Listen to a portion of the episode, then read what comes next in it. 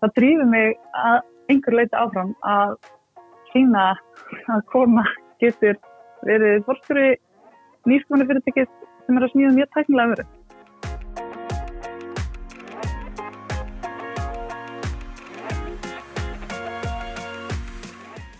Þegar ég stundaði meistarnám í San Francisco veturinn 2018-2019 bárust fréttir af því að fyrsta íslenska sprótafyrirtækið hefði verið valið til þáttöku í einum þekktasta viðskiptarhæðileg heims, Y Combinator, sem fer akkurat fram í Kísildalum. Það var fyrirtækið AVO en meðstofnandi og framkvæmdustjóri þess er engin önnur en Stefania Bjarni Ólafsdóttir. Ég bara varð að kynast henni betur, svo ég byrði henni í kaffi og allavegi síðan hefur Stefania verið eina af mínum helstu fyrirmyndum í nýsköpunaheimin. Í viðtalinu ræði Stefania sína vegferð. Hún deildi með mér upplifuninni af Y Combinator og rússibananum sem það er að koma sprótafæritæki eins og aðvó á laginnar. Auk þess rættu við hvernig það er að skipta algjörlum stefnu í miðri vegferð og mikilvægi þess að forðast hlutregni við ráðningar. Þetta er þátturinn Stopnenda vegferðin er svakalugur rússibanni með Stefáníu Bjarni Ólafsdóttur. Sæl Stefáníu. Sæl og blessu vinkona. Hvað segir þú gott í dag? Ég segi bara frábært, fullkomið, eða ég menna fullkomið, þetta er kannski stóð stór orð. Það er svona reynar bara að nota stóru glöðu orðin þar og dana. Það er alls konar svona sem reynir á á ymsum heimshornum og ymsum lífshornum, þannig að það er bara þannig að kegja þetta áfram á góðskapinu hegja.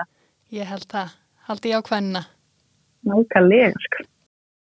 Ég væri til í að, þú myndi kannski segja bara hlustundunum okkar aðeins frá þér. Hver er Stefania?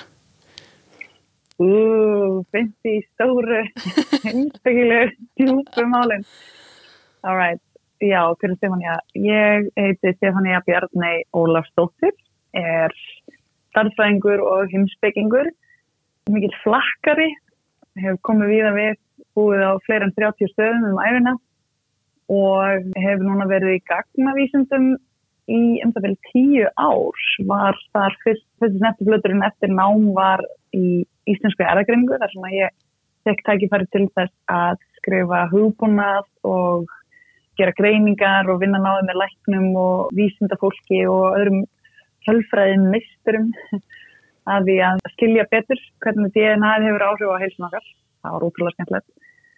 Og svo bauðist mér að fara í áhrifnáttu nám í því og það var aðeinslega spennandi en svo er ég ekki búin með nema kannski tvo mánuða því þegar fyrirtæki að nafninu Quizet eða Plain Vanilla sprakka sín út og fekk miljón notendur á einni viku og þau voru þannig djúbri, djúbri kreppverðin að skilja hvað í verðinni þessum miljón notendur væri að þínu að gera í Quizet og okkur sumaðum kemur aftur og aftur og aftur og ekkur suma kemur aldrei aftur.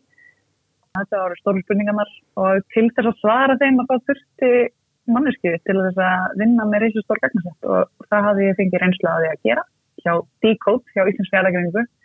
Þannig að þau báði mig um að sækja um sem analisti og ég gerði það og fekk starfið, fekk það tækifæri til þess að byggja upp greiningarsviðið sem var æðislega, æðislega lærtónsvikt og skemmtilegt og þetta var frábært fólk sem ég fekk að vinna með hana og læra af bæði leiðtóðar og samstarfsæðla og sjálfun ég að vera leiðtóði sjálf lærði miklu meira líka um greiningarheimin og gagnaheimin og hvað er mikil munun að vera í akademíu versus að vera í business.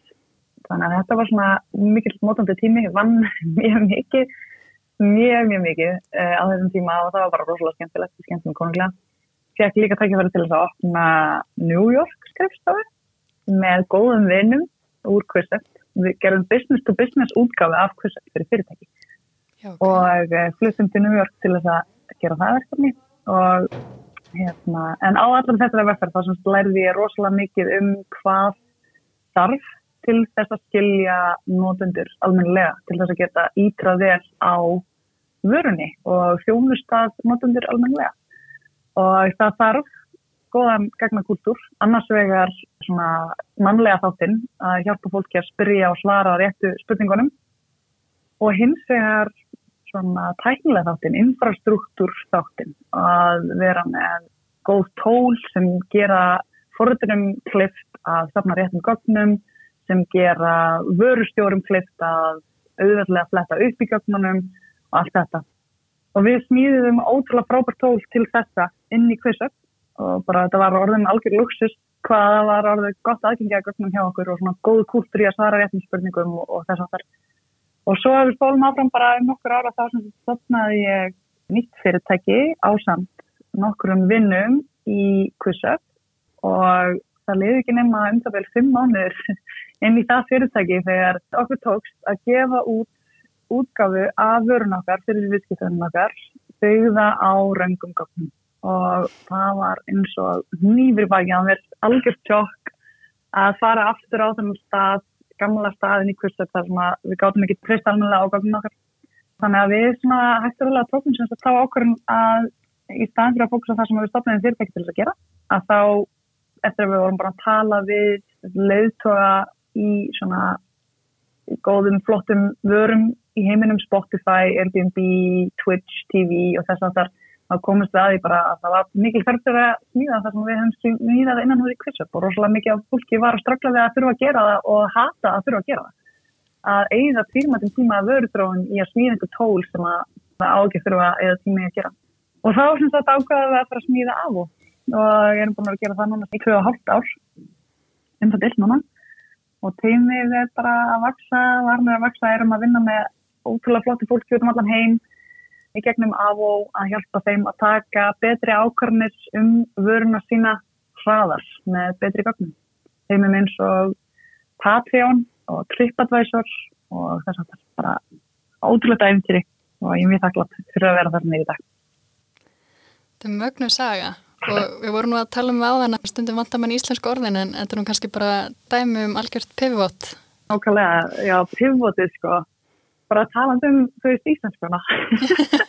Nákvæmlega. Ég, ég hef einmitt ströggla þannig að dæja hana. Ég átt erðast með að finna íslenska orðið yfir pivot.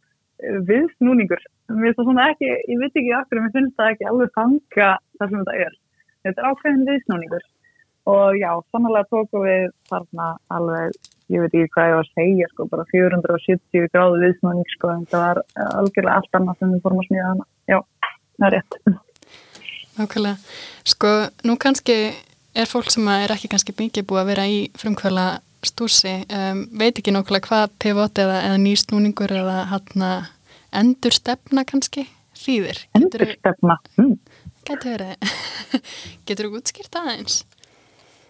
Já, algjörlega. Ég get gert mitt besta til þess að útskýra hvað það, hvað það þýðir. Það þýðir það bara að fyrirtæki að teimi er að vinna að einhverju ákveðinu verkefni, að smíða einhverju ákveðinu vöru og á leiðinni að þá eru einhverjar vörður sem benda í aðrar áttir annarkort af því að það er betra einhver annar staðar eða af því að þau uppgötu að það er kannski ekki markaður fyrir vöruna sem þau eru að smíða það er margar ástæði fyrir þessu eða bara þau hafa ástriði fyrir ykkur aftöru heldur maður heldur að það er fyrir margar ástæði en í grunnum þá snýst þetta bara um að leiðin breytist á leiðinni sem er bara er frekar aðlegt og mjög algeng saga. Eh, og frekar sjálfgeft kannski að fólk byrji bara með mjög skýran tilgang og ná einhvern veginn að fara þunga allar leið. Og náttúrulega þekktustu dæmin kannski verandi til dæmis eins og flakk. Mm, þetta er svona kannski eitt þekktast að dæmi um pivot eða viðsnúning þar sem að stopnandin og teimið, uppnáðulega teimið voru að vinna að leik sem gekk ekki upp og þau svona höfðu svona eiginlega bara lokað allir hægt allir starfsemi þessum leik og þetta hafði ekki gengið.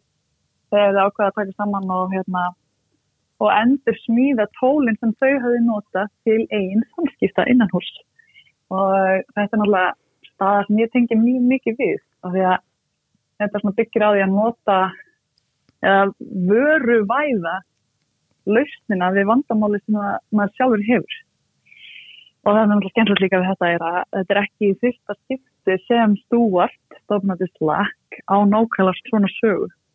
Þannig að áður reynda að smíða leik sem gekk ekki upp og enda á því að smíða í staðin flikkar sem er myndaforrið og var það alveg risast stort á sínum tíma. Og var einu staðurinn eða svona aðal staðar með internetan þar sem að fólk var að deila myndum. Þetta er svona önnur hans svona saga þar sem hann byrjar á einhverju vegferð og fer hérna til einhverju aðra, aðra vegferð.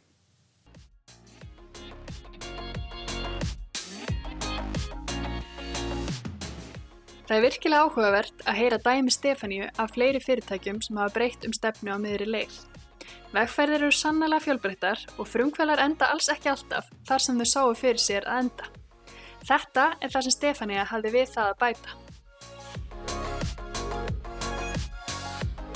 Já, ég held að það sé alveg hægt að taka 100% það að maður endar alls ekki það sem maður heldur að maður enda. En ég held kannski að það sé líka, kannski bara til þess að vitna í Michael Seibel sem er forstjóri Y Combinator sem er fjárfyrstum AVO. Hann sæði á einn tímpundi og vakti aðtækli á fyrirtæki dæra svo oft af því að hafa farið í gegnum pivot af því að það eru oft góða sögur og það eru svo margar góða sögur á bakvið svona pivot og þess að það er og, og það krefst alveg að auðvitað einhver leiti einhvers kjarks að segja nei við ætlum ekki lengur að gera þetta. Við ætlum minnum alveg að gefast upp á þessu og við ætlum að fara að gera eitthvað annað. Auðvitað gerur það það að það sem hann var líka að vekja aðtegla á þarna og það sem hann var kannski, akkurat í þessu samtali var hann að vekja aðtegla á að það er líka rosalega kostnæðsamt auðvitað og því skýrar sín sem maður hefur á það sem maður er að fara að gera tilgangin með því markaðin sem er til staðar, það er að markaðin hvaða þarfir þarf að leysa fyrir hérna, viðskiptaðinni, því skýrar sín sem maður er með á þetta því umfaldra verður að komast á leiðarenda. Og auðvitað er rosalega dýrt að hafa eitt það er alveg dæmi um að fyrirtækja við eitt tveimur árum kannski í að smíða eitthvað sem komast síðan að því að virka ekki og þess maður þurfa að finna eitthvað annað og ákvaða að pivota. Þetta er ekki ódýrt að gera. Þetta eru tvö ára af lífi fólks og þetta er einhver peningur einhverstaðar. Einhverstaðar er einhver peningur í þessu sem að annarkvært er það bara því að fólk bara þá ákvaða að gera þetta á eigin dáðum og bara lifa á einhver og, og og ekkert mál eða þá að þetta er peningur einhverja fjárfyrsta sem ákveða fjárfyrsta í teiminu einhverju englar eða fjölskyldu, nánir fjölskyldu meðlumir eða, eða á þetta fjárfyrstar sem að einhvern veginn ákveða að fjárfyrsta í þessu teimi og það eru tvö ár niður vaskin. Það er svona hundvingilin á sig. Það er þess að pivot þau eru romantiseruð en maður á líka að vera með þetta um að þetta er bara líka ógeðslega lung og strengu vektur og stundum lítur það út fyrir að þetta sé ómögulegt. Mm -hmm. en úrræða gott fólk finnur þá einhvern veginn kannski leið til að fara fram hjá áskorunum án þess að taka ofstort pivot, myndi ég segja. Það er ákveðin skali af pivot. Það er bara að fara að gera eitthvað algjörlega nýtt og síðan er það líka að tala um svona lítil pivot sem er bara þess. Ok, við heldum að við værum að fara að targeta hérna, íþrótafólk en við erum núna búin að uppgöta að við ætlum að targeta fólk sem er með njá meðsl. Þetta er svona lítið pivot, má pivot á hver fyrsti markaður vörunar er, en það er líka svona, svona markaðs uppgötvanir geta verið bara drivkraftur af svona litlu pivoti. Mm -hmm. og mér er svona mikilvægt að bara hæla þetta að það þarf að vera endalist úrþaðagóð manneska en maður þarf að koma einhverju svona dóti á markað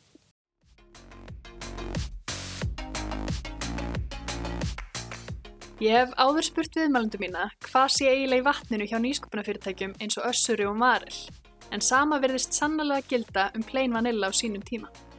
Hér er það sem Stefania hafði um það að segja.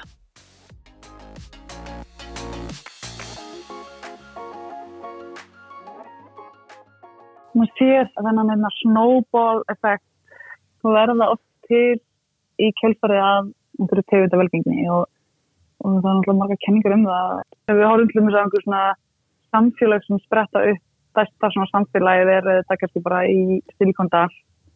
Mm -hmm. Það sem er bara allt er morandi í stofnendum sem voru meðlumir, teimismeðlumir í einhverjum öðrum farsælum nýskonarfyrirtökjum.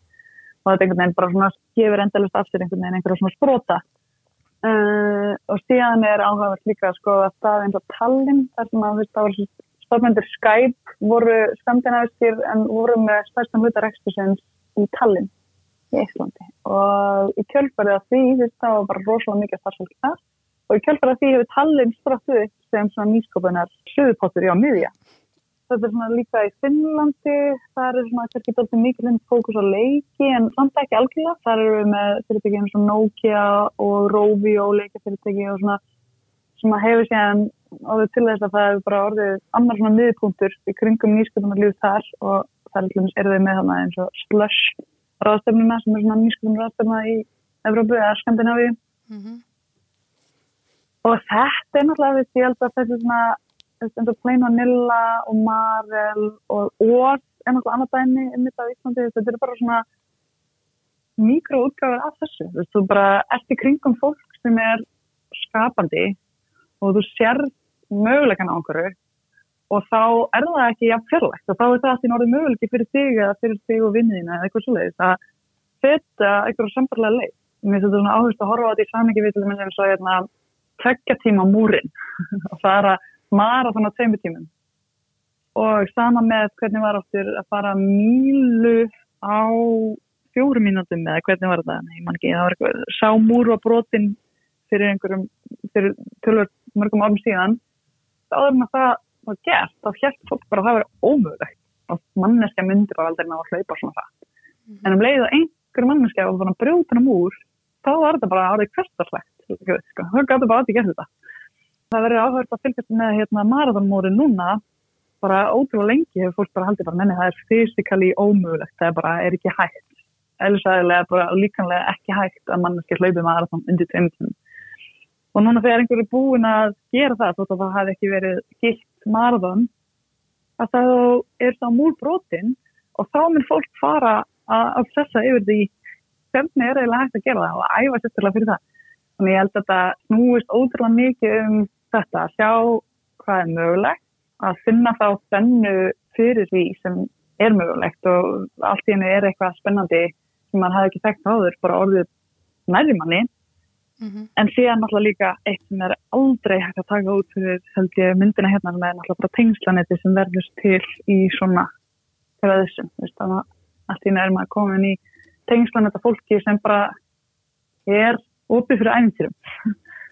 en það getur aðað hannig það er ekkit allar manneskir endilega sem er alltaf tilbúin að stakka á æfintýri og óvissi og nýskapuna fyrirtæki í eðlisinu eru yfir þannig að þú veist ekki hvort þú verður með vinnu eftir náttúrulega hérna það er alltaf það það er bara fólk nálagt manni sem bara hefur kannski ekki náða að borga. Ég meina vinnum minnum daginn var að segja öllu starfsfólkinu síni og það er núna einn stafnandinn aftur af því að hann þurfti að endur skoða bara hvernig hann struktúrði fyrirtæki og það er alltaf ótrúlega flókin ákveðan að gera og taka.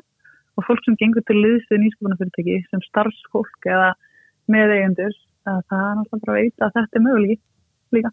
Þannig að þetta er svona ævindir að drá og að vera umkringtur svona fólki sem að er hugsað svoleiðis líka sko. Ég held að það spilir mjög mikið inn í. Alveg klálega. Talandum að vera umkringt frumkvölum og skapandi þingjandi fólki, getur sagt mér aðeins frá Y Combinator og hvernig þeir hjá af og enduðu þar fyrst íslenskra sprota? Já, það er alltaf æðislegt Vilgur hefur að fá að hafa tekið það til þeirri vegferð. Y Combinator er sem sagt fyrsti svokallaði viðskipta nýsköpunar hraðall heims stopnaður bara svona upp úr aldamótunum af fjórum mannskjum og svona þekktustu nöfnin þar eru Paul Graham og Jessica Graham sem er hjón og þetta er svona nöfnin sem langt flestin kannast við Y Combinator þekkja og þau stopniðist þennan hraðal á þeim fórsendum að þau hafa áhuga á að hjálpa fleiri sprótum að komast á lakkinar. Þau höfðu sjálf verið í þeim branda og verið með tengd svona nýsköpunum lífinu og þau langaði til þess að taka næst átt í að hjálpa fleirum að gera það. Hefur verið að fjárfyrsta, bara svona litlar, svokallar engla fjárfyrstingar og ákvaði að stopna svona prógram þar sem að í staðin fyrir að vera bara að hjálpa einu fyrirtæki að þá bara eru þau að hjálpa átta fyrirtækjum á sama tíma og setja svona tryggjum mannaða prógram í gang bara ok, og þá var það bara intens og þá bara eru við að fókusa saman á eitthvað vandamál og fyrirtæki hjálpa okkur stöður að, halda sér við efnið. Og þau voru með office hours. Alltaf. Og er ennþá kalla það. Það er sem öll teginn hittast og setja markmið fyrir næstu tvær vikur og fara yfir hvernig markmiðin fyrir síðustu tvær vikur gengur og svona deila sínum helsta áskorunum og hjálpa staði að leita þau. Og þetta er náttúrulega bara rosalega góður vettungur til þess að halda sér við efnið og finna stuðning af því að stopnendavegfurinn er bara svo svakalega rúsipanni. Það er svo mikið upp og niður, það er bara á einum degi að það fer maður hæsta hæðir og lægstu læðir bara oft, oft yfir þannig sama dag. Og ég kannski sjálfspartlunum hafði ekki skilið hversu mikið rúsipanni þetta er þráttur þess að hafa tekið þátt í QuizUp og QuizUp var svakalega rúsipanni en það var stjárnstæðir munur að vera að taka þátt sem stjórnmandi í QuizUp heldur en að vera stofnandi og eigandi að eins og visku og hafa. Og það kom mér sjálfur mjög mikið óvart. Það var ekki nefn mikið vennur á sig. Og það að vera með svona hópa fólki kringu sig sem er að ganga í gegnum sögum erfnalegu vandamálin sem er ekkert ekkert neina hægt að googla lausnina við og maður getur ekkert endilega að tala um það heldur ofnbærilega það er bara rosalega mikið stundum fyrir því þannig að svona þessi stopnarnarsagan það bak við Y Combinator og í rauninni Y Combinator er, myndi ég segja, nýsköpuna fyrirtæki líka í sjálfu sér því að þau byrjuði með þessa hugmynd með áttafyrirtæki og síðan tók steim einmitt eins og öll nýskona fyrirtæki er að reyna að gera að skala upp hugmyndinu sína. Þannig að núna það sem vækomunið eru í dag er fullt af litlum svona hópum. Þannig að þegar við fórum í gegnum vækomunið það var veturinn 2019 sem við gerum það gegnum þess aðal með þetta svakalega stuðningsnett af fjárfustum og sérsvæðingum, sambarlegum Paul Graham og Jessica Graham. Og þá voru við líka með einmitt sjö eða átta ömur fyrirtæki sem við vorum saman í hópi og hittum alltaf reglulega. Og síðan alltaf er bara einhvern veginn tengslanetið sem er búið að byggjast upp í kringum Y Combinator er ótrúlegt og eitthvað sem maður minn alltaf einhvern veginn lifa á sko. Og það fyrrmyndstundur hefur mig hvað það er ótrúlegt fólk sem maður einhvern veginn getur núna sendt e-mail og spurt einhverja spurninga og bara því að maður er fellow Y Combinator member það fær maður bara svo að á sama degir. Ég er mjög þakklátt fyrir það. Þannig að þetta var alveg skemmtilegt. og líka var það skemmtilega tími. Þetta var svona, við flutum öll út til San Francisco eða rétt sinna á San Francisco og byggum hann bara einhverju útkörri í einhverju húsi og vorum bara, þú veist, basically flestar inni í að vinna 16 tíma á dag eða 18 tíma í dag og, og sofa restina. Svo bara fórum við einhvern veginn aðeins út að hlaupa kannski og spiliðum aðeins á gítar og grínum eitthvað aðeins og borðum ís og svo bara back to work og það var með einn útrúlega skemmtileg stemming sko það, það var svona að ekkert síðan eitthvað svona smá svona eitthvað skóla stemming sko sem er oft gaman og síðan sem þetta endar Y Combinator alltaf á svo kvöldum demo day þar sem að þetta fyrirtekin sem er að fara gegnum þann skamt þann skamt af fyrirtekin mm -hmm. þau fara upp á svið og segja frá því hvað þau eru að gera og allum svona farsalustu fjárfustum heims eða mættileiti í sílkondar er síðan búið á þennan atbyrð og síðan keppastöðum að fá fjárfesta í fyrirtækjunum og þetta er náttúrulega líka var alveg ótrúlega og það sem var svo skemmtilegt var síðan líka stemningin í kringum ég menna við vorum í litlum hópi af afturpinnum en mm. síðan voru líka meðlumir í þetta voru hundraða eitthvað fyrirtæki sem voru þarna með okkur á sama tíma og stemningin í hérna Vækominundur húsinu á svona undirbúningstímanum fyrir demodegi var líka ótrúlega skemmtilega þetta var svona að þetta eru sko, sagt, þetta eru þessi kannski 100 pluss 100-200 fyrirtæki sem fari gegn um hvert skam mm -hmm. og þannig að það er fylgta fólki þar af stopnendum, ótrúlega klári fólki sem fari gegn um einhvern svakaland fyrstir og Combinator hefur ákveðið að fjárfesta í þeim mm -hmm. og síðan eru ótrúlega klári fjárfesta líka sem að eru öll fyrrum eða núverandi stopnendur sjálf og hafa stelt fyrirtæki eða fara með það publika eða eitthvað svona. Þannig að það er fólk sem er að er að leiðbuna manni en svakalega reynslu og fyrir minn demóti er mjög skemmtilegt tímafél þar sem að allir sem er að fara að pitcha á demóti er einhvern veginn bara stött í húsinu og eru bara að fara aftur og aftur og aftur og aftur gegnum pitchið sitt og bara samankvæmna að reksta og það bara, herri, maður pitcha fyrir og síðan hérna og síðan bara einhvern veginn er það stemmingin, skilju og svo fara bara einhvern veginn að rætta sér mat saman og bara taka nokkur fyrir pitch og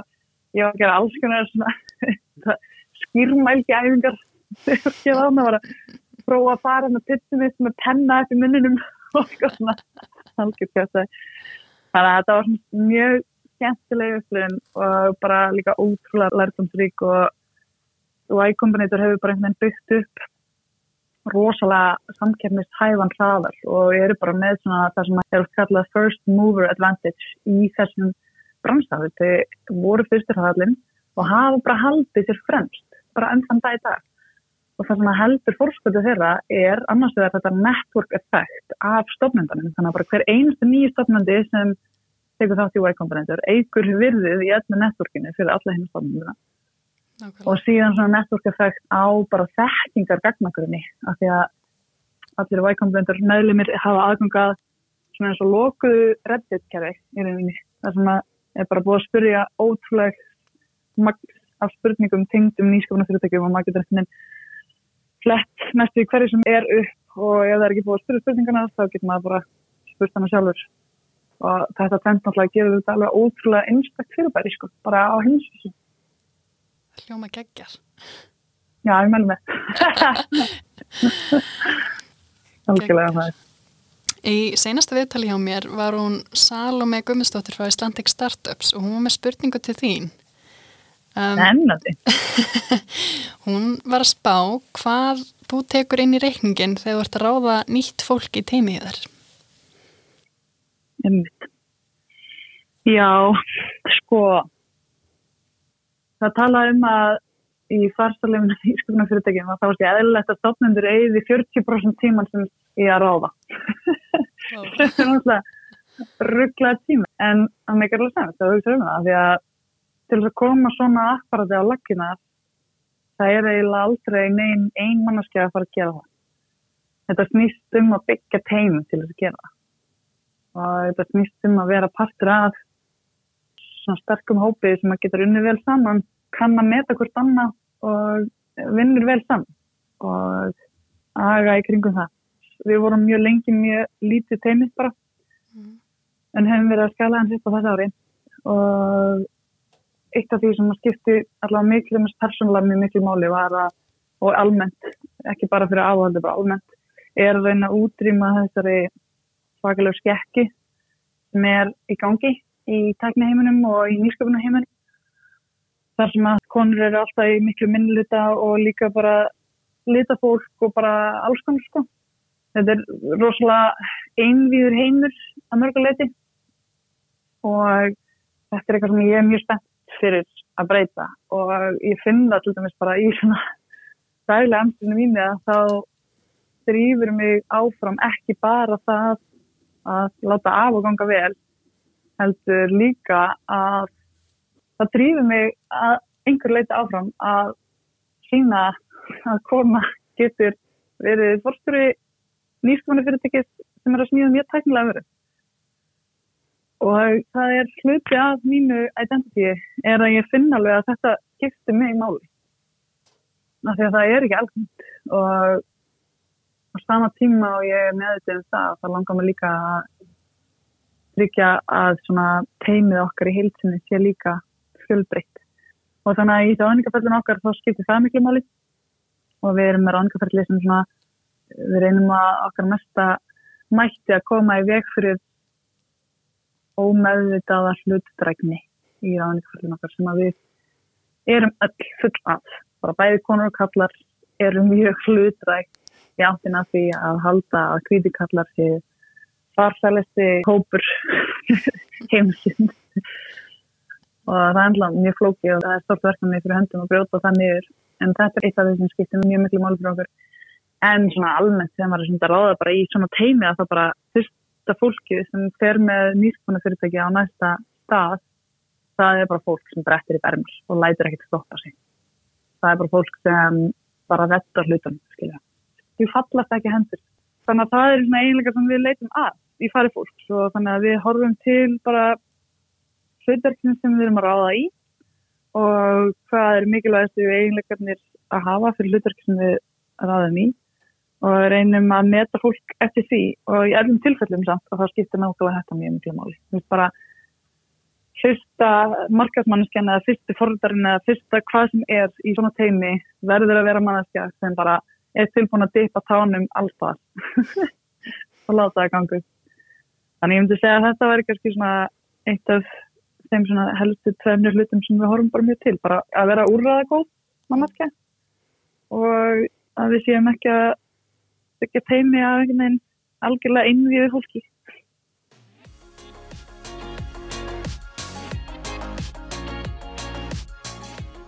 Það er óhægt að segja að Stefania og Avó teimið séu mjög meðvituð þegar kemur að mikilvægi fjölbreytni og jafnra tækifæra í eigin ráðningu. En hvernig telur Stefania að hægt sé að jafna tækifæri hvenna í nýsköpunarumhverfunu í heilsinni?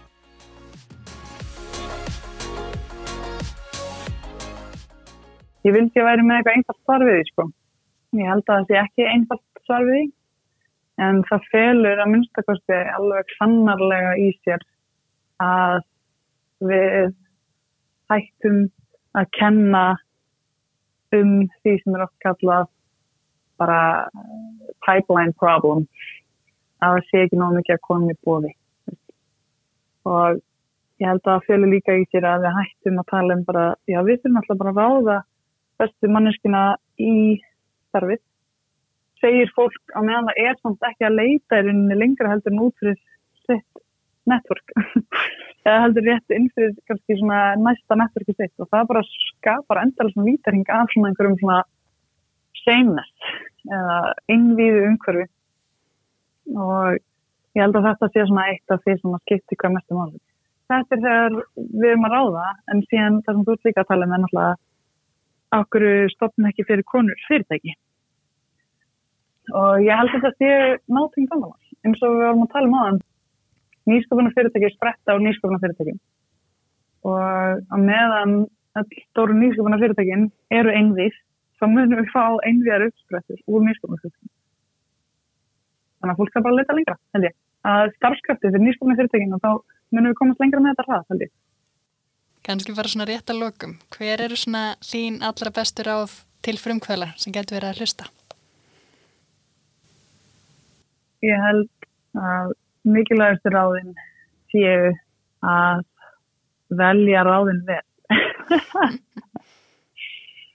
og þá meina ég sérstaklega að heimurinn er fullur af kláru fólki og þetta kláru fólk hefur ótrúlega margt frábært fram að færa þegar maður er að leita að hugmyndum að lausnum að vandamálum. En þegar maður hefur ráð úr óbúslega mörgum misnandi áttum og passa sig ekki að velja almenlega millera að þá enda maður oft með eitthvað meðaltals ráð sem leysir ekkert vandamál og það er einhvern veginn smá eftir öllum ráðunum óvart og þá er maður ekki að komitta af náðu miklum krafti á neittæði og ég held að þetta sé eitthvað erfiðast að líka við þetta bara að velja að milli áttu að maður vil að fara og velja á milli ráða sem maður fyrir byggja. Því að fara meðalhófið er ekki það sem hjálpa manni að standa út og verða það hjálpgefa nýrskofuna fyrirtæki sem, sem næri einhverju velgengi. Nákvæmlega. Heyrðu, þá langar mér bara að spyrja hvort að það sé eitthvað sem því langar við að bæta. Ég segi bara takk fyrir mig og vel gert að kæra þetta áfram og ég er að hilsa niður í auðnar og atvinnuvega ráðaniti. Atvinnuvega og nýsköpunar ráðaniti. Ah. Mjög nálega. Þetta er það samkast. ég kem því sannarlega til skila og takk kærlega fyrir. Kekja. Takk kærlega fyrir mig. Bara takk fyrir komuna og gott spjall. Gangið rosa vel. Takk fyrir sem við leiðist.